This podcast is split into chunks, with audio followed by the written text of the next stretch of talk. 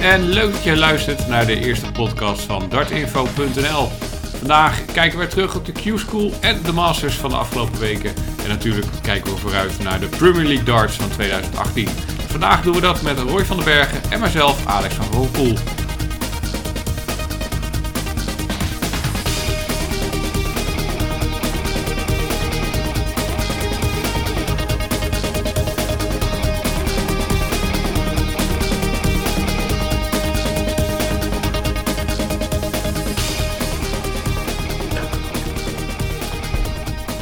Het dartsjaar 2018 is eigenlijk eh, verder gegaan zoals het al was. Michael van Gerwen heeft het eerste toernooi alweer gewonnen en de toernooi volgt zich nu een rap tempo op. Kortom, genoeg om over te praten en dat doen wij om de twee weken in deze podcast van Dartinfo. Vandaag met Roy van den Bergen, onder andere redacteur bij Voetbal International. En eh, ja, je ziet eigenlijk alles wat er in Dartland gebeurt. Dat probeer ik in ieder geval, in de weinige vrije tijd die ik nog heb. Ja, afgelopen weekend was de Masters genoten. Nou, het viel niet tegen. Het is toch altijd een tussentoernooitje wat mij betreft. En eh, een warming-up voor de, voor de Premier League. Maar eh, goed niveau gezien. Een goede Van. Een eh, iets mindere cross. Dus dat belooft al veel. Ja. ja, daar gaan we het zo uitgebreid over hebben natuurlijk. We kijken vandaag terug naar de afgelopen weken. Want er is ook alweer genoeg gebeurd sinds het WK. Want eigenlijk veel rust is er niet geweest. De Q-School is geweest waar 33 spelers hun tourkaart hebben gewonnen. En vooral heel veel spelers hem niet hebben gewonnen. En afgelopen weekend dus de Masters en daarnaast was de Challenge Tour ook al begonnen. En we gaan uh, deze week beginnen aan de Premier League. Kortom, voldoende om te bespreken. Om te beginnen met Q-School. Uh, 33 man hebben een, Q, of een tourkaart gehaald. Roy, wat, uh, wat was voor jou het meest opvallende? Ik vond, ik vond Robbe erg opvallend. lang eruit geweest, drie keer nadenken wie het ook alweer was. En dan toch meteen een goed niveau halen. Je ziet dat die jongen traint met, met Van en Van der Voort. Dat vond ik opvallend en veel grote namen afgevallen. En uh, ja, toch wel weer een prominente rol voor de Nederlanders, uh, als je dat zo uh, zag. Ja, dit jaar was voor het eerst Q-School gesplitst in een Engelse versie en in een Europese versie.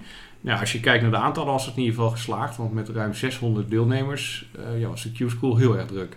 Ja, je ziet toch dat Rob Cross wat darthartjes sneller heeft laten kloppen wat dat betreft. Mm -hmm.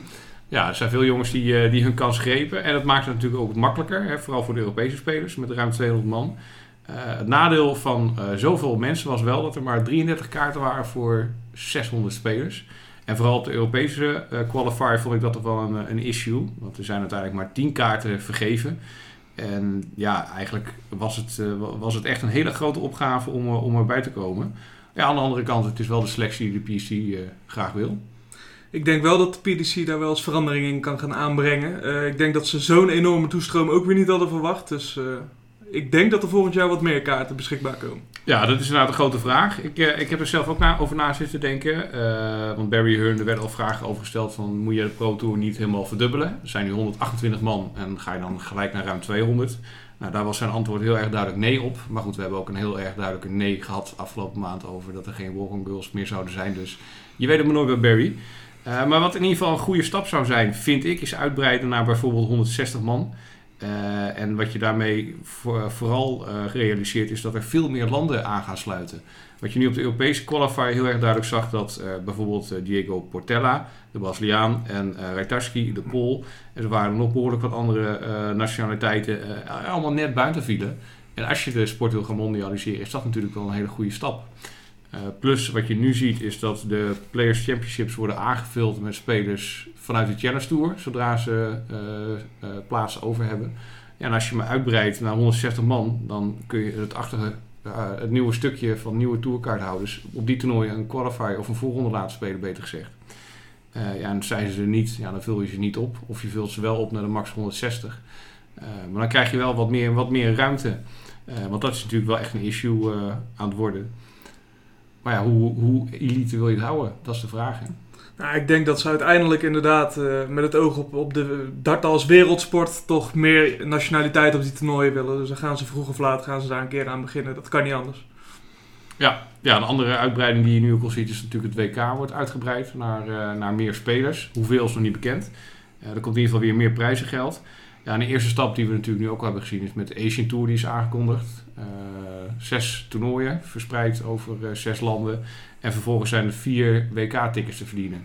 Ja, met Paul Lim afgelopen WK hebben we natuurlijk gezien dat, uh, dat Azië ja, ook interessant is. En dat is natuurlijk een ontzettend grote groeimarkt. Hè? Nou, je ziet ook wel dat zo'n Paul Lim, die heeft een soort cultstatus hè, bij het publiek. Dat vinden ze prachtig om te zien. En Azië is natuurlijk gewoon een enorme markt. Er is heel veel geld te halen. En dat is heel interessant voor de PDC. Dus eigenlijk een hele logische zet wat mij betreft. Ja, ja kijken we naar Q-School. Heeft geen Aziat een tourkaart verdiend. Wel diverse landen dus. Hè. Bijvoorbeeld Nederland was natuurlijk uitgebreid aanwezig. Maar we hebben ook de eerste pool. dat is dus niet Rajtaski geworden, maar Titus Kanik. ook nog een Duitser, een Spanjaard, een Belg en een Canadees onder andere. Dat vond ik wel aardig. Dat Dawson Murchell heeft gelijk zijn tourkaart gewonnen. Dus een hele jonge jongen die afgelopen jaar al naar de Development Tour kwam. En ja, best leuke dingen liet zien. En Corey Cadby, die haalde het in één keer. Corey Cadby. Is toch een naam die we al even horen als groot talent. En uh, Cadby moet het dit jaar maar eens gaan laten zien. Dat hij inderdaad zo'n groot talent is. En dat hij, uh, dat hij misschien wel aansluiting kan gaan vinden bij de echte top al. Hij heeft een goede leeftijd, hij heeft een mooie stijl, hij gooit lekker snel door. Het is, uh, hij heeft heel veel om het te halen, maar dan moet je constant worden. Hè? En op tv ook goed kunnen presteren natuurlijk. Ja. ja, vooral het constant is. Afgelopen jaar is het probleem geweest. Hij heeft natuurlijk in Australië het gewoon niet laten zien op een, op een seizoenbasis. Ik kreeg zelf het idee dat hij het ook een beetje heeft onderschat. In Australië worden er steeds in weekenden toernooi gehouden. Op vrijdagavond was er een World Series qualifier. En dan op zaterdag en zondag was er een Australische Tour. En die qualifiers heeft hij bijna allemaal gewonnen. En daarna in het weekend ging het steeds mis. Alsof uh, ja, er een idee was van het lukt wel. En ja, des te knapper vond ik het toch wel dat hij op de eerste dag van Q-School gelijk er, de dwars doorheen gooit en gelijk het toernooi wint. Misschien is dat toch ook een stukje weerstand. Dat er iets meer mhm. weerstand is, dat hij iets meer uitgedaagd wordt. En uh, misschien dat hij dat wel nodig heeft. Wat natuurlijk alleen maar ten goede kan komen van zijn niveau. Want uh, je zag uh, afgelopen jaar al veel nieuwe aanwas. En ik denk dat het alleen maar heel positief is voor de dartsport. Dat ook de gevestigde namen nu echt een tandje bij moeten zetten om bij te kunnen blijven. Ja, ja en wat, wat voor nog meer voor hem het nog makkelijker maakt, is dat hij nu ook met Target gelijk een sponsor erbij weer heeft. En ja, die gaan we de komende weken dus zien op de UK Open Qualifiers. In het voorjaar is die wel gelijk even weg, want hij gaat, op de, hij gaat trouwen in eigen land, in Australië. maar ja, goed, daarna gaan we misschien al zien op de World Matchplay, maar dat wordt een lange weg. Over jonge talenten, er waren er nog meer op Q-School in Engeland. Want Bradley Brooks heeft zich geplaatst. Die heeft afgelopen jaar niet eens de Development Tour gespeeld, maar de Junior Tour. Dat zit daar nog onder. Echt bij de jonkies. En Nathan Aspinall, die was ook een van de, van de beste van het hele weekend. Uh, die stond twee of drie jaar geleden al in de WK-finale. Die verloor hij toen bij de jeugd. Maar uh, daar komt nog een talent aan. Ja, kijken we naar de Nederlanders. Jij noemde Mario Robbe al. Uh, Jeffrey de Zwaan die haalde op de eerste dag zijn tourkaart. Dat was ook opvallend omdat hij drie jaar geleden op de eerste dag van Q-School gelijk zijn tourkaart won. En nu gelijk weer op de eerste dag. Dus nou, daar gaat het niet voor goed. En via de ranking haalden zowel Danny Noppert, Dirk van Duivenbode, als Vincent Kamphuis uh, hun kaart. Van, van deze vijf Nederlanders, waar verwacht jij het meest van? Ik vind Dirk van Duivenbode vind ik altijd wel een heel mooi figuur voor de dartwereld. Met zijn opkomst natuurlijk. Dat, die heeft alles in zich om een publiekslieveling te worden. onder druk vind ik hem heel matig vaak nog. Noppert die heeft heel, heel bewust gekozen natuurlijk om hier nu aan de slag te gaan. En nou ja, ik vind het toch knap dat je dan meteen dat kan laten zien. Dus daar heb ik wel hoge verwachtingen van. Ja, ja en ik zelf verwacht ook echt veel van Jeffrey de Zwaan. Die heeft mede door een schouderblessure ja, niet de stap kunnen zetten die hij eigenlijk het eerste jaar bij de PDC wel leek te gaan maken. En ja, als je het hebt over een makkelijke stijl, heeft Jeffrey natuurlijk een ontzettend makkelijke stijl. En ja, als daar het kwartje nu gaat vallen, dan, dan kan dat wel eens hard gaan. Ja, al die jongens die gaan dus twee jaar op de Pro Tour spelen in ieder geval. En mogen zich dan proberen te plaatsen bij de top 64, want dan hou je je kaart. ja, mensen die het dus niet haalden waren onder andere, die we net al noemden, Diego Portella en uh. En vooral in de Britse qualifier viel het op dat eigenlijk alle jongens die de overstap maakten van de BDO het niet haalden. En ook flink niet haalden. Nee, maar ik denk dat als je het WK van de BDO kijkt, dat dat niet echt als een verrassing kan komen voor de mensen. Want ja, het is alsof je de hoofdklasse zit te kijken van het voetbal in plaats van de eredivisie. Het niveauverschil is zo enorm groot. Het gaat zo langzaam. Uh, er is 80 gemiddeld, dan staan ze juichend op de banken. Het is ja, eigenlijk niet om aan te gluren. Nee, dat, dat, dat is wel. Of, dit, dit jaar was inderdaad echt heel slecht. Wel ontzettend spannende partijen, omdat de verschillen heel klein waren. Maar het niveau was inderdaad echt flink laag dit jaar. dat was wel echt een groot verschil met de afgelopen jaren. Want er werd er nog best aardig gespeeld. Eh, ja, en dan verwacht je toch van een aantal jongens die ook op de Grand Slam onder andere toch best aardig hebben gedaan de afgelopen jaren. Eh, ja, dat ze, dat ze toch wel in de buurt zouden komen in ieder geval van een tourkaart. Maar zelfs dat zat er niet in. eh. Ja, maar je ziet toch, elk jaar stappen de allerbeste en de grootste talenten stappen over naar de PDC. En ja, het kan niet anders dat het een keer minder gaat worden. En eh, ja, dit jaar was het, werd dat wel heel erg pijnlijk duidelijk, denk ik. Ja, is dan het, het grootste probleem eigenlijk ook dat die jonge spelers, dus zo'n Bradley Brooks bijvoorbeeld, wat dan dus echt een groot talent is, nu al eh, naar zo'n PDC gaat. Dat de aanwas dus zelfs al weg is. Nou ja, je ziet het. eh, nog heel veel oudgedienden bij de BDO. En eh, dat is ook logisch, want dat zijn de weinige publiekstrekkers daar nog natuurlijk. Maar de jonge jongens die willen ook al gewoon op hoger niveau gooien. En die, die stappen zo snel mogelijk over naar de PDC, omdat daar ook gewoon heel veel ontwikkelingsmogelijkheden zijn. En op die manier hopen ze sneller aan te kunnen sluiten bij de echte grote jongens. Ja, ja daarnaast eh, iemand die ook niet zijn tourkaart heeft weten te verlengen. eh, en die we nog gewoon twee, drie jaar geleden in de Premier League zagen, was Wes Newton. Dat, je kan niet harder vallen volgens mij dan Wes Newton. Nee, is heel erg pijnlijk natuurlijk. Eh, die hoopte toen echt een stap te kunnen zetten. En sindsdien is eigenlijk alles misgegaan. De meeste mensen zijn hem alweer vergeten, denk ik. Ja, ja ja, hij speelde dit weekend wel op de Challenge Tour. En daar was hij ook vier keer heel snel uitgeschakeld. Dus ja, dat wordt een, een, een hele zware lange weg om nog terug te komen. Als hij überhaupt ooit nog terug te komen. Ja, dat is heel moeilijk, denk ik. Ik denk met de huidige aanwas eh, qua talenten en het hoge niveau eh, in de top... eh, denk ik dat als je nu afhaakt, al zo'n langere tijd... dat het terugkomen is bijna niet meer mogelijk, denk ik. Nee, dat wordt inderdaad heel lastig. Eh, dat zie je bijvoorbeeld bij iemand die het dan dus net niet haalde, eh, als een Diego Portella. Eh, die wint dit weekend gewoon een, eh, een Challenge Tour. Daarmee is hij de eerste Braziliaan die dat doet. En dat zijn wel mooie ontwikkelingen natuurlijk. Heel goed voor de dartsport natuurlijk. Eh, als eh, darten daar ook echt een goede voet aan de grond krijgt... dan, eh, dan heb je weer een hele extra markt als PDC zijn. En ja, dat maakt het alleen maar mooi. Zeker ook met het oog op het WK, hè. Dat is prachtig natuurlijk, dat je een paar Brazilianen straks in die zaal hebt zitten... die helemaal uit het dak gaan voor een landgenoot. Dat is geweldig om te zien. Ja, ja en de, de World Series is overal geweest, maar nog niet in Zuid-Amerika. Nou, mooie Dus, opstappen. Lijkt me ook. Afgelopen weekend, eh, ja, zoals Roy jij noemt het, eh, het opwarmtoernooitje voor het nieuwe jaar. De Masters werd gehouden. Gelijk weer eh, een Nederlandse finale. De eerste winst 2015. En het was niet de, de, de, de eerste Nederlandse zege sinds 2015 zou ik maar zeggen. Want Michael van Gerwen die, die reeg er weer eentje aan zijn, aan zijn lange kar. Ja, je had genoten van toernooi. Wat, wat was voor jou het meest opvallende van dit weekend? Ja, toch de uitschakeling van Cross natuurlijk. De wereldkampioen die, die eruit vliegt tegen Suljovic. Dat verwacht je niet. En ja, dan zie je toch dat het moeilijk is om als wereldkampioen... en echt kerstvers wereldkampioen die nog niet veel heeft meegemaakt in de Dutch wereld... meteen aan de allerhoogste verwachtingen te voldoen. Want hiervoor was het positief als Cross een kwartfinale haalde of een halve finale haalde. En nu wordt hij gewoon geacht om altijd de finale te halen. En dat is een heel andere druk. Ja, ik vond het, eh, zoals zijn toernooi verliep, was een beetje zoals je misschien kon verwachten. Hij heeft natuurlijk een week lang, of een maand lang bedoel ik, eh, media-aandacht gehad, andere dingen over zich heen gehad. En dan zo'n eerste wedstrijd, ook tegen een tegenstander, dat was tegen Ian White, waar je eigenlijk van weet, daar ga ik winnen. En eh, zonder, zonder relatieve druk kunnen spelen. Ja, vervolgens de kwartfinale gaat hij inderdaad af tegen, tegen Suljovic met, eh, met 10-8. Dan is ook gewoon een hele vervelende tegenstander natuurlijk, om dan op zo'n zondagmiddag tegen te spelen. Ja, dan valt het een keertje even tegen. En dat, eh, dat is natuurlijk ook nog het grote verschil, denk ik, tussen Michael van Gerwen en een Rob Cross. Eh, omdat vooral als het even niet loopt, uh, Van Gerwen toch nog heel veel van dit soort partijen relatief makkelijk weet te winnen. Ja, dan moet Cross echt nog hard voor werken. Maar eh, ja, het wordt interessant hoe dat, eh, hoe dat zich gaat, eh, gaat doorontwikkelen. Ja, als we naar het hele toernooi kijken, de eerste ronde, de, de meest opvallende jongens die er toen uitgingen. Ja, Kim verloor van, eh, Kim Huijers verloor van Michael van Gerwen. Dat kon je op zich verwachten.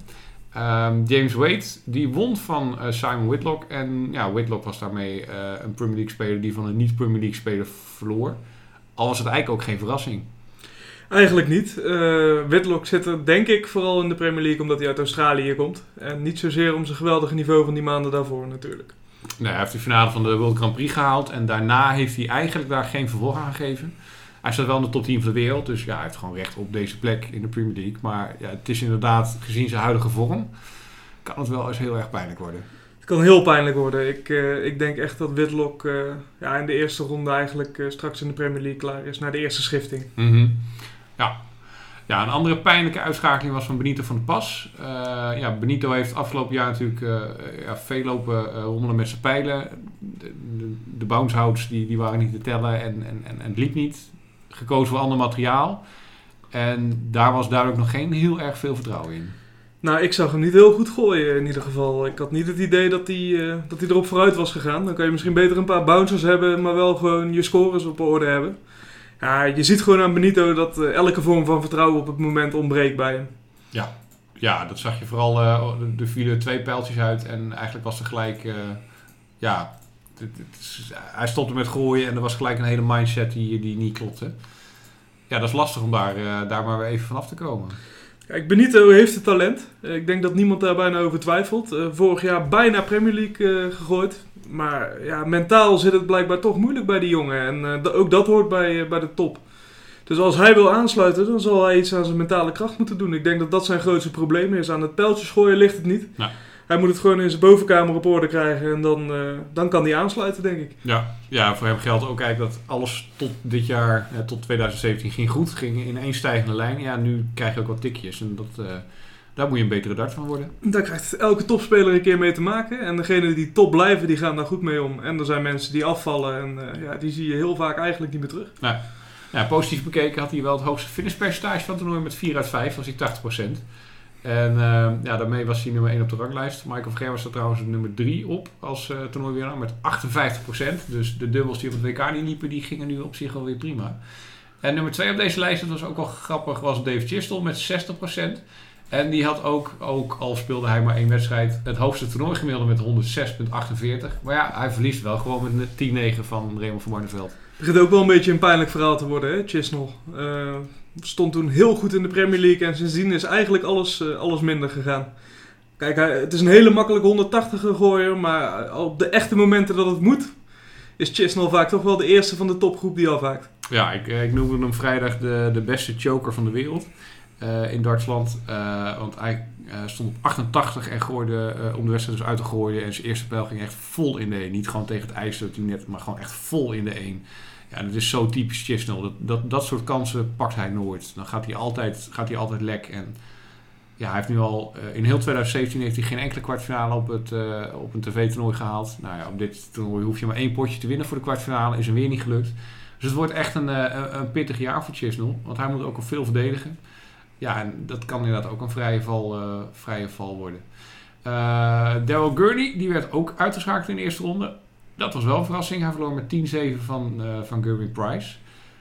Ja, en ik heb bij Gurney ook het idee dat zijn absolute topvorm er ook even momenteel net niet is. Hij verloor in de Players Championship Finals kwartfinale van Justin Pipe. WK tweede ronde van John Henderson. En nu dus van Gurney Price. Dat zijn drie toernooien waar hij eigenlijk te vroeg verliest. En van spelers waar die eerder dat jaar niet van verloor.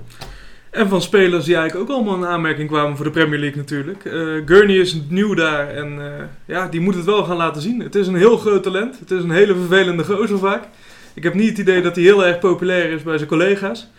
Maar hij heeft natuurlijk wel een hele makkelijke gooi. Hij gooit ze lekker snel in het bord. Hij gooit 180ers uh, bij de vleet. Maar ja, nu gaat het even wat minder en dan uh, krijg je hetzelfde verhaal weer. Dan moet hij opstappen en dan moet hij een tandje bij kunnen schakelen om, om bij de topjongens te horen.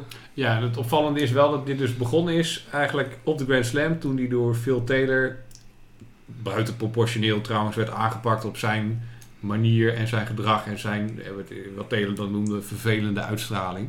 Uh, ja. Maar sinds dat moment is hij daar blijkbaar wel op een bepaalde manier mee bezig, want zijn resultaten zijn vanaf dat toernooi echt duidelijk minder.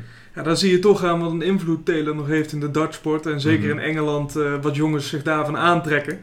Terwijl ja, hij heeft succes gehad met zijn vervelende stijl, Gurney. Ga daar gewoon mee door. Als dat voor jou een winnende formule is, hou dat vast. En uh, Phil Taylor is toch de allerlaatste die mag klagen over iemands gedrag. Die is al twee jaar de meest onsportieve op de, uh, aan de hockey. Ja, volgens de, de, de, de strafmaten niet, maar hij heeft wat geintjes uitgehaald. Ook daaraan zie je hoe groot Phil Taylor is. Alan Norris, ook hij verloor eerste ronde van Peter Wright. Nou, dat was eigenlijk geen verrassing. Dat gold ook voor Ian White, die dan dus van Rob Cross verloor. En Michael Smith, die ging er met 10-8 af tegen Sujovic. Ja, bij Smith had ik daar ook iets idee. Hij kwam heel snel 5-0 achter en komt nog helemaal terug. En kan die eigenlijk nog winnen. Die moet ook een keer door dat drempeltje heen om dan echt gewoon mee te gaan doen. Ja, ik heb zelf wel een zwak voor Smith. Uh, ook op het moment dat je ziet dat de druk er eigenlijk af is en hij gaat vrij gooien, dan gooit hij zo goed en zo snel. En dan gooit hij dubbels zo makkelijk. En, uh, Maar ja, dan komt de druk er weer bij kijken. En dan haakt hij ook weer af. En Mhm. dat is het grote probleem, denk ik, bij Smit. Het is hele hoge pieken en eh, hele diepe dalen. Ja, als het allemaal valt, dan valt het. En, eh, en zo niet, dan niet. En ja, dat, hij, hij presteert wel, vooral op de European Tour, ontzettend goed. Waardoor hij continu in die top 10 blijft staan. Maar ja, dat zijn inderdaad eh, wedstrijden heel kort format. Ja, dan is zo'n weekend eh, voor hem prima. Maar ja, langer blijkt echt nog een probleem. Ja, voor hem wordt het ook heel cruciaal, aangezien hij nu ook de Premier League in gaat, hoe, hoe dat verder gaat. Zondagmiddag waren de kwartfinales. Eh, ja, Rob Cross had het net al over, die verloor dan dus. Eh, James Wade die verloor ook met 10-2 van Mark van Gerwen. Konden we niet echt een verrassing noemen. En van Gerwen speelde die wedstrijd ook wel buiten proportioneel goed. En dat konden we ook zeggen over Raymond van Barneveld. Want die heeft Peter Wright ook even helemaal van het podium eh, geblazen. Ja, Peter Wright ging dit jaar wel even 20 toernooitjes winnen en de nieuwe nummer 1 van de wereld worden. Kan nog. Ja, dan moet hij wel heel goed zijn best gaan doen en eh, zijn vorm wat verbeteren. Nee, Van Barneveld speelde echt fantastisch. Daar kan je toch weer aan zien dat Van Barneveld echt nog steeds een top 4 speler zou kunnen zijn.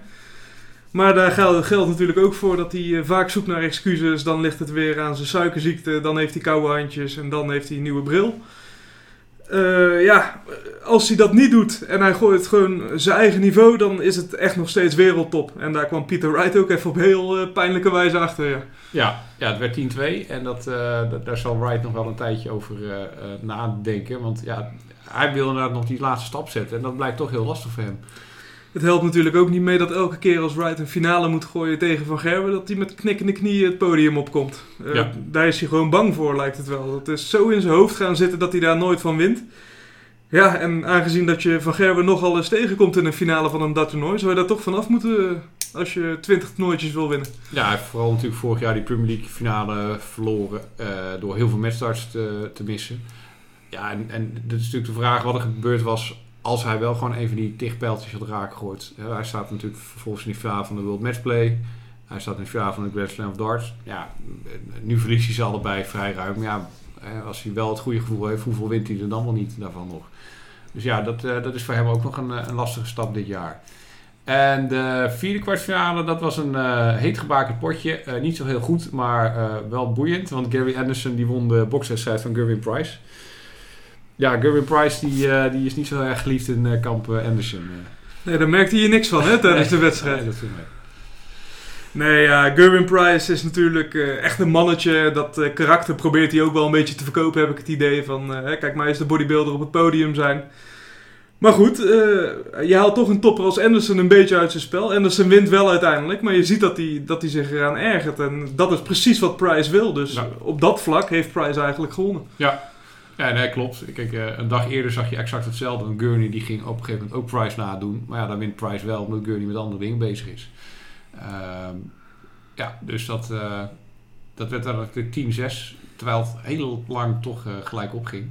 Vervolgens de halve finales van Gerwe Anderson werd liefst 11-5. En daarin gooide Van Gerwe echt wel een stukje minder dan in de middag. Alleen de, de rug van Gary Anderson, die begint toch wel een beetje zorg te baren. Want hij haalt nu wel de halve finale, maar wel met voor zeker zijn doen ondermaat spel. En ik heb niet het idee dat dat nu heel snel opgelost gaat worden als ik zijn rug zo zag. En dat verbaast me dan toch wel, want dat, dat doet me een beetje denken vorig jaar aan, aan Jelle Klaas, die natuurlijk ook zijn polsblessure had. Die hoopte dat het met rust in januari zou oplossen. Gebeurde niet. Die heeft eigenlijk het hele voorjaar gesukkeld. En uiteindelijk heeft hij ja, eigenlijk het hele jaar er last van gehad. Ja, Gary Anderson heeft natuurlijk nu ook al anderhalf eh, tot twee maanden last van zijn rug.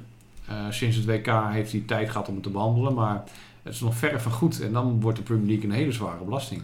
Nou ja, het voordeel is natuurlijk wel dat het redelijk korte wedstrijden zijn op de Premier League. Eh, Dat, eh, en dat je niet meerdere wedstrijden op een dag speelt. Ja, één keer een Mhm. sessie van twee, maar verder niet. Eh, dat kan een voordeel voor Anderson zijn. Maar ja, met zijn leeftijd zie je toch dat je er al wat moeilijker vanaf komt van dat soort kwalen. En ja, het is wel heel pijnlijk, want hij haalt echt zijn niveau niet meer. Je ziet ook zodra dat hij zijn rug voelt, dat het eigenlijk klaar is. Dan, Mhm. dan is het ook mentaal, dan weet hij van dit gaat het niet worden voor mij. En dat is wel zonde, want een Anderson in topvorm, daar zet je de televisie voor aan natuurlijk. Ja, ja hij gooit op zich wel gewoon goed door. Eh, dus hij behaalt wel een bepaald niveau. En hij wint natuurlijk wel gewoon twee wedstrijden puur op karakter dit weekend. Ehm, maar ja, het, het, het, het blijft wel een, eh, een punt. En eh, ja, hoe lang gaat dit duren? Dat is vooral het issue. En hoeveel toernooien gaat hij dan in de weekenden spelen? Want ik denk niet veel. Volgens mij heeft hij dat ook aangekondigd, toch? Dat hij dit jaar steeds minder wil gaan gooien, omdat hij zijn kinderen en zijn kleinkinderen, geloof ik, allemaal op wil zien dus groeien. hij heeft net een nieuw kind. eh. Nou ja, dat is ook belangrijk natuurlijk. Maar ja, aan de andere kant, als je topsporter bent, dan moet je ook toernooien gooien. En als jij echt in de absolute top mee wil blijven doen, dan je, heb je ze ook gewoon nodig. Om, Ja. Op hoog niveau. Want ja, op televisie gooien is toch een ander verhaal dan thuis eh, in de keuken een paar pijltjes in een bord gooien natuurlijk. Ja, en voor hem geldt natuurlijk ook dat de nieuwe generatie er hard aankomt. En eh, ja, die staan klaar. Eh, van Barneveld Sujovic, dat won Van Barneveld uiteindelijk met 11-7. Vooral dankzij een hele goede tussenrun. eh, waardoor hij in, eh, van Sujovic wegliep. Ja, en toen kregen we de Nederlandse finale waarin Van Barneveld ja, toch wel een hele grote kans heeft laten liggen om weer een tv-toernooi te winnen. Ja, ja, doodzonde. Dit zijn de toernooien die Van Barneveld kan winnen. En het zou ook zo goed voor hem zijn om hem een keer te winnen. Iedereen gunt hem dat ook, denk ik. Misschien behalve Mikey, Mikey zelf natuurlijk. Maar ja, Van Barneveld tegen Van Gerwen, dat zijn eigenlijk altijd fantastische wedstrijden. En dat vond ik het nu ook weer. Het was misschien niet eens de allerbeste wedstrijd ooit, maar het is zo spannend. En eh, je ziet gewoon dat Van Barneveld altijd een versnelling extra heeft als hij tegen Van Gerwen gooit. En dat is geweldig om naar te kijken. Ja, want ik zat die half finale te kijken en toen gooide die Sujovic er wel af. Maar eh, ja, ze, ze zei ze waren 2,93 gemiddeld. En toen had ik het idee van ja, hij moet zo dadelijk 10 tot 15 punten meer gaan gooien tegen Vergerwe om het echt spannend te maken. En zoals hij na zo'n zware lange dag erbij stond, had ik niet het idee van dat gaat hij doen. En toch weet, hij, weet, weet Van Gerwen hem te prikkelen als een van de weinigen om dat dus wel weer te doen. Ja, en dat maakt hele mooie televisie. Hè? Eh, je ziet het in de Premier League, je ziet het in andere toernooien. Je zag het weer op het WK. Eh, van Gerben van Barneveld, als je dartliefhebber bent, eh, moet je alles afzeggen. Lekker op de bank gaan zitten en kijken. Want dat is wat, wat darten zo mooi maakt natuurlijk, die twee. Ja. Ja, hij verliest hem uiteindelijk. En vooral door, denk ik, een bullseye finish van, van, eh, van Gerber. Die kwam wel even aan je. Ja, die, die, die draaide eigenlijk de partij. En eh, ja, dat is toch ook wel weer het knappe dat Van Gerwen toch dat er dan weer uit weet te persen. Daarom is hij Van Gerben de nummer 1 van de wereld. Hè? En heeft hij een straatlengte voorsprong op de, op de concurrenten. Ja. ja, dat irriteerde hem dit weekend duidelijk wel. Hij werd meerdere keren gevraagd van ben jij over een jaar nog steeds de nummer 1? Ja, die vraag begreep hij eigenlijk niet eens. Nee, ik denk dat als ze hem die nog een keer stellen, dat ik er al wel een weddenschap op eh, durf te zetten dat hij na dit jaar nog steeds een nummer 1 is. Want eh, daarmee prikkel je hem en dat zie je ook. Mm. En dan gaat hij alleen maar beter gooien. En ik vind dat ook wel terecht hoor, want eh, Van Gerwen bewijst het nou al jaren. En laten we nou niet gaan denken dat Cross binnen een jaar Van Gerwen straks voorbij is. Of Peter Wright. Die hebben alles nog te bewijzen tegenover hem. Ja, ja het gat is nu extreem groot natuurlijk, van ruim een miljoen pond. De kans is wel groot dat dat gat wel kleiner gaat worden. Omdat hij natuurlijk eh, nu eigenlijk 2016 moet gaan verdedigen. Het jaar waarin hij alles won. Dus hij kan eigenlijk niet eens verder weglopen. Eh, maar ja, goed, aan de andere kant, het gat is nog zo groot dat iemand, de, Wright of Cross zal dan dus wereldkampioen moeten worden met een vroege uitschakeling van Vergerwe om dat gat te dichten. Ja, dat wordt natuurlijk wel een lastige, een lastige opgave. Dat was de Masters. Eh, ja, vier keer op rij voor Van Gerwen. Eh, ja, uiteindelijk ja, konden de totenformuliertjes toch voor ingevuld worden. Ja, en dat is het knappe aan Van Gerwen. We vinden dat allemaal maar normaal tegenwoordig. Maar eh, het is gigantisch wat die jongen doet. Het is elke keer absolute top. En eh, elk toernooi opnieuw. Dus met recht de beste van de wereld. De Premier League Darts 2018 begint in Dublin met heel veel nieuwe gezichten aan de okkie. En ook een nieuw shirt voor Michael van Gerwen. Zwarte mouwen. Zwarte mouwen. Ik hoorde de, de Lotto Jumbo eh, wielerploeg vergelijking al. Eh, al is het shirt nog wel even groen als die altijd was, dus dat is niet helemaal. Eh, vind jij mooi, nieuw shirt? Nou, groen is niet echt mijn kleur. Maar ik vind het wel een risico. Want het is echt een handelsmerk van hem. Dat hele groene shirt. Iedereen loopt daarin. De zaal kleurt groen. En nou met de zwarte mouwen. Ja, het is een, eh, een aparte keuze. Maar je gaat ook weer extra veel nieuwe shirtjes verkopen. Dus eh, dat is ook interessant hè. Goed, tot zover de modepolitie. Gaan we door naar het, eh, darten. We hebben tien spelers dit jaar in het publiek natuurlijk weer. Met twee Nederlanders van Gerwen en van Barneveld. Roy, wie staat er na twee weken nog op nul punten? Whitlock, denk ik. Ik, Wat? eh, ik vind hem toch iemand die, eh, eh, ja, die echt de minste is dit, dit jaar. Gerwin Price is misschien ook niet echt een wereldtopper nog. Maar hij heeft wel zulke vervelende maniertjes dat hij wel punten gaat pakken. En Whitlock zie ik niet van, die al, van al die toppers echt, echt punten pakken. nee. Ja, ik denk, ja, Whitlock wordt inderdaad door iedereen eigenlijk genoemd. Die heeft een start met eh Suljovic deze week en volgende week moet hij tegen Rob Cross. Eh Gerwin Price begint ook lastig, want die krijgt eerst Peter Wright en daarna krijgt hij Gary Anderson. Ja, waar, twee jongens waar ik ook van denk, van dat kan wel eens misgaan, is Michael Smith. Daar hebben we het natuurlijk al eerder over gehad. Die heeft twee jaar geleden ook vreselijk op zijn broek gehad in de Premier League. En ja, ik heb eigenlijk heel lang gezegd afgelopen najaar van... als hij een uitnodiging krijgt, moet hij zo slim zijn om te zeggen: ik, ik wacht nog een jaartje. Ja, er zijn zoveel nieuwe gezichten bij gekomen. eh, dat het speelveld misschien aan de onderkant ook wat gelijkwaardiger is. Eh, waardoor er voor hem kansen liggen. Maar toch denk ik dat het eh, voor hem heel lastig wordt. En daarbij is wedstrijd 2 voor hem heel cruciaal. Hij begint tegen Gary Anderson. Nou, dat wordt lastig. Al is Anderson natuurlijk niet topfit, dus dat zou misschien kunnen helpen.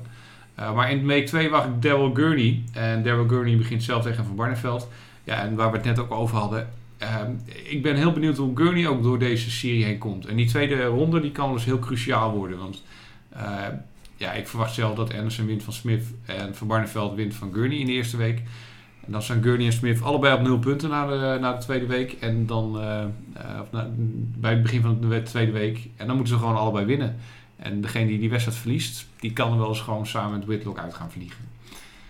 Dus ja, dat wordt, uh, dat wordt lastig. Um, ja, en wie gaat er na twee weken aan kop staan? Michael van Gerwen natuurlijk. Jij bent van de gewaagde uitspraken. Kijk. Zeker. Ja, Van wel een lastig programma, want hij begint tegen Rob Cross. En vervolgens krijgt hij Peter Wright in de tweede week. Uh, en Wright begint dus zelf tegen Gerwin Price. Dat is uh, het programma van de eerste week. Ja, normaal gesproken, en dat heeft Van Gerwen ook zelf gezegd uh, bij het interview in de preview bij de PDC. Hij zei nog wel erbij van ja, het is geen garantie dat ik de Premier League dit jaar ga winnen. Maar ik vind de Premier League dit jaar wel zwakker dan de afgelopen jaren. Al zei hij er ook wel bij, uh, de jongens die erin staan hebben het gewoon verdiend door hun prestatie van afgelopen jaar. het wordt wel in dat opzicht natuurlijk gewoon een hele rare Premier League met heel veel debutanten die allemaal bibberende handjes zullen hebben in de weken. Ja, dat denk ik wel. Het is toch een enorm groot toernooi. Iedereen kijkt ernaar. En uh, veel nieuwe jongens die het allemaal nog moeten bewijzen. Want ook een Soljovic moet het op dat niveau nog gewoon wekelijks gaan bewijzen. Uh, of het echt het niveau minder wordt, ja, dat zal heel erg met de, met de zenuwen te maken hebben. Want het, die jongens staan er aan de andere kant ook niet voor niks natuurlijk. Kijk, James Wade heeft misschien een grotere naam, maar die laat ook niks meer zien. En dat geldt voor Chisnall ook en, uh, en dat soort uh, namen. Ja, de naam van Adrian Lewis die hebben wij nog niet genoemd uh, deze uitzending. Nee, dat is ook wel heel erg pijnlijk natuurlijk. Hè? Dat, dat is gewoon een top 4 speler, maar ja, die verliest echt alles. Ik denk dat als ik daar ga gooien, dan, Oh. dan gooi ik Adrian nog even van het bord af. Ja, dat gaan we komend weekend zien. Want dan gaan we hem ook weer voor het eerst op de Duke Open Qualifiers zien. Hoe die de, de, de kerstvakantie van hem is doorgekomen. Die was vrij lang. Uh, maar ja, uiteindelijk zijn er inderdaad maar vier jongens over van vorig jaar. Dat is natuurlijk wel echt een bizar aantal. Uh, want afgelopen jaar ja, twee hooguit uh, nieuwe gezichten. Ja, nu zijn alleen Gary Anderson, Van Gerwen, Wright en Van Barneveld nog over van vorige jaren. Zijn dat voor jou ook de vier favorieten om de play-offs te halen? Ja, denk ik wel, ja. Al vind ik Suljovic altijd een hele gevaarlijke outsider. Mm. Die kan van iedereen winnen. Iedereen kan zich halverwege een wedstrijdje gaan ergeren aan die man. En aan zijn trage tempo. En ja, hij, hij heeft toch best wel een hoge ondergrens, vind ik tegenwoordig. Die zie je ook steeds met het toernooi groeien. Ik vind dat hij zich echt heel erg knap ontwikkelt. Ja, ja, ja dat is het voordeel voor de andere spelers dat het korte potjes zijn. Dus dat ze, uh, ze hebben niet veel tijd om zich te gaan irriteren aan, uh, aan. Maar dat is natuurlijk wel een issue inderdaad uh, voor heel veel spelers. Want hij is natuurlijk heel anders dan de rest. Uh, maar tegelijkertijd geldt voor hem natuurlijk ook dat het afwassen is hoe hij eerst 9 en misschien dan 15, 16 weken doorkomt. Zeker weten, dat is altijd afwachten. En dat is met een Rob Cross bijvoorbeeld ook afwachten. Maar dat is iemand die nu, met zijn nieuwe status als wereldkampioen, eigenlijk ook bij de laatste vier moet zitten natuurlijk. Ja, ja jij noemt hem niet, maar je verwacht dus niet dat hij dat gaat halen. Wordt het wel close? Of? Ik denk dat het heel close wordt. Hij zou het zo kunnen halen, maar ja, die toppers die zijn dat toch al meer gewend. En om dat elke week op te kunnen brengen, ja, dat, dat, um, dan moet je er klaar voor zijn. En dat gaan we, gaan we zien. Ja, voor, uh, voor Cross dus dat hij begint tegen Van en in de tweede week Simon Whitlock krijgt. En vervolgens komen daarna Peter Wright en Raymond van Barneveld. Dus ja, uh, en Gary Anderson ook nog in de vijfde week. Dus dan krijgt hij eigenlijk de hele top achter elkaar. Dus ja, dan, dan op zo op papier, als hij gewoon verliest zoals iedereen verwacht van Gerwen, is dan tegen, tegen Whitlock in week 2 wel gelijk een belangrijk potje voor hem. Een hele belangrijke, want die weken daarna is de zege ook nog niet op voorhand binnen natuurlijk. Uh, Whitlock is eigenlijk de enige van die wedstrijden waarvan, uh, waarvan je denkt van die moet hij sowieso winnen. Ja, ja. ja, ja dat, blijft, uh, dat blijft inderdaad de, de grote vraag. Kort toot over deze week dan dus. Suljovic, Whitlock doen wij twee keer Suljovic. Ja. Anderson, Smith. Smith. Jij gaat voor Smith? Ja, ik denk dat Anderson dat er toch wel tegen zijn leerling uittrekt. Gurney van Barneveld. Van Barneveld. Ja, we gaan voor Van Barneveld. Van Gerber Cross. Gerber. Zeker na de finale, die heeft iets recht te zetten. Dat, uh, dat, denk, dat kan best wel als een heel erg fors potje ook worden. Zomaar eens 4-0 kunnen worden. Ja, hij heeft natuurlijk in de hij heeft 7-0 al een keer van Van Taylor ook op zijn openingsavond gewonnen. Wat ook keihard ging. Dat kan ook boeiend worden. En tenslotte eh, eindigen we de avond met eh, Peter Wright tegen Gerwin Price. Ja, lijkt me ook een, eh, een makkie, hè? Peter Wright. Ja, ik zag vanmiddag nog een foto van hem eh, nu in Dublin eh, eh, naast de trofee staan. En toen zag je echt hoeveel hij is afgevallen. Dat is nog wel een issue, hoe, hoe fysiek hij daar ook mee omgaat de komende periode. Aan de ene kant wel, aan de andere kant is hij er misschien wel wat fitter op geworden. Het kan Ja. ook een voordeel zijn natuurlijk. Ja, ja en dan komen die 20 Noorzegens toch dichterbij. Zeker weer met een openingspotje tegen Gerwin Price, hè? Ja. Die is ook vrij fit. Dat, ja. Ja, ja, het gevaar is dat hij hem nu wel om kan, kan blazen van het podium bijna. Want eh, er zit nog weinig, eh, weinig vet meer op Wright. Ja. Als, eh, als de grote mannen in Dublin zijn geweest, dan mogen die ook gelijk door naar, eh, naar Engeland weer. Want dit weekend zijn de UK Open Qualifiers die beginnen. Eh, daar kunnen alle spelers van de Pro Tour, die dus een tourkaart hebben... en een grote groep die op eh, Q-School was, proberen om de UK Open te halen. Het eerste V-toernooi dat in maart wordt gehouden. Eh, buiten de topspelers, waar ben jij het meest benieuwd naar, eh, naar de jongens die daar gaan spelen, hoe die het gaan doen? Nou ja, je hoopt altijd dat Nederlanders het goed gaan doen natuurlijk. Eh, je hoopt dat er weer een nieuwe mooie aanwas komt naar Van Gerwen. Van Barneveld die komt op leeftijd natuurlijk. En je hoopt daar toch dat er straks echt weer een goede aanwas komt. En zelf hoop ik altijd op Vincent van der Voort. Ja, ja die heeft natuurlijk afgelopen jaar de, de stap weer omhoog gezet. En dan kan hij hem doorgezet. eh. Ja, het- ik vind het wel echt gigantisch knap hoe die man is teruggekomen hoor. Want die had echt een hele vervelende blessure. En eh, ja, het is ook een publiekspeler. Hè. Je ziet die zaal, die gaat helemaal uit zijn dak eh, als Vincent gooit. En eh, ja, die hoort er eigenlijk gewoon weer bij. Ik zou het fantastisch vinden als hij echt weer aansluiting weet te vinden met de top 12. Ja. ja, hij staat nu net buiten de top 32. Maar goed, hij hoeft dit jaar weinig te verdedigen. Dus die kan weer omhoog gaan kijken, zoals het dan zo mooi heet. Eh, twee jongens die natuurlijk, of eh, drie eigenlijk, die heel interessant zijn om te kijken hoe die zich dit weekend gaan houden. Eh, zijn Avery Lewis, want die moet nu eindelijk weer echt iets gaan laten zien. Maar vooral zijn naamgenoot Jamie Lewis. Blijft Jamie Lewis de speler van het WK? Of zakt hij weer volledig terug in de moeras die hij eigenlijk daarvoor liet zien? En wat heel interessant wordt, vind ik, is te kijken of Dimitri van, de van den Berg zich voor het eerst kan plaatsen voor de UK Open. Want hij heeft natuurlijk de afgelopen maanden ontzettend goede dingen laten zien, maar hij heeft zich nog nooit geplaatst voor de UK Open. En wat we ook een beetje uit het zicht hebben verloren. Afgelopen jaar hoorde hij niet bij de 64 beste vloerspelers. Want hij, had niet eens de Players Championship Finals gehaald. En dat staat natuurlijk in ontzettend schril contrast met de prestaties die hij de laatste tijd neerzet. Hij was de afgelopen maand ook in eh, Australië en Nieuw-Zeeland. En hij won vorige week een demonstratietoernooi in de finale tegen Taylor.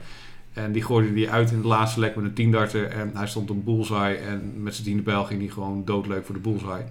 En eh Omer Phil stond erachter en die keek ernaar en die bromde wat. En die denkt, laat maar verder. Dus de vorm van Dimitri is prima. En dat moet hij nou ook laten zien op de vloer. Absoluut. Ik denk ook dat hij het gaat laten zien. Ik vind Dimitri is echt een speler die heel veel heeft. eh, Die eigenlijk de laatste twee maanden heel constant heeft gegooid op een heel hoog niveau. Ik Ja. denk ook wel dat hij dat door gaat trekken. En ik denk ook wel dat dat iemand is waar we nog heel veel van gaan horen de komende jaren. Want die jongen die heeft echt gewoon heel erg veel talent. Ja, en hij heeft dus relatief heel weinig te verdedigen. Want hij heeft dus heel weinig gehaald. Zelfs die toernooien. En op de vloer kan hij dus al ontzettend grote sprongen maken qua prijzengeld. Dus eh, die kan snel richting de, de top 32. Ja, en van de nieuwe tourkaarthouders, die gaan we natuurlijk nu ook eh, voor het eerst zien tussen de grote mannen. Zoals eh, Vincent Kamphuis eh, mooi zei toen hij zijn tourkaart haalde. Nu begint het pas, want eh, nu moet je iedere week tegen alle kanonnen spelen. eh, die ervoor zorgden eigenlijk dat hij zijn tourkaart eh, weer verloor. Ja, en nu wordt het eh, een uphill battle. En eh, nou, dan gaan we zien hoe, eh, hoe die jongens zich houden. En eh, ja, dan wordt het ook het debuut van, eh, van Danny Norbert bij, eh, bij de PDC op een vloertoernooi. Dus dat wordt een boeiende week. De week daarna gaan we gelijk weer in de Premier League. gevolgd door weer een weekend qualifier spelen. En daarna zijn wij er weer om te kijken of, of Michael Smith en Sam Whitlock inderdaad op nul punten staan na twee weken. Tuurlijk, we hebben toch eigenlijk altijd gelijk Alex. Dat Ja. kunnen de mensen er gewoon van uitgaan. Mooi, ja, nee, dit lijkt me een mooi slot. Bedankt Roy voor nu. Graag gedaan en tot de volgende.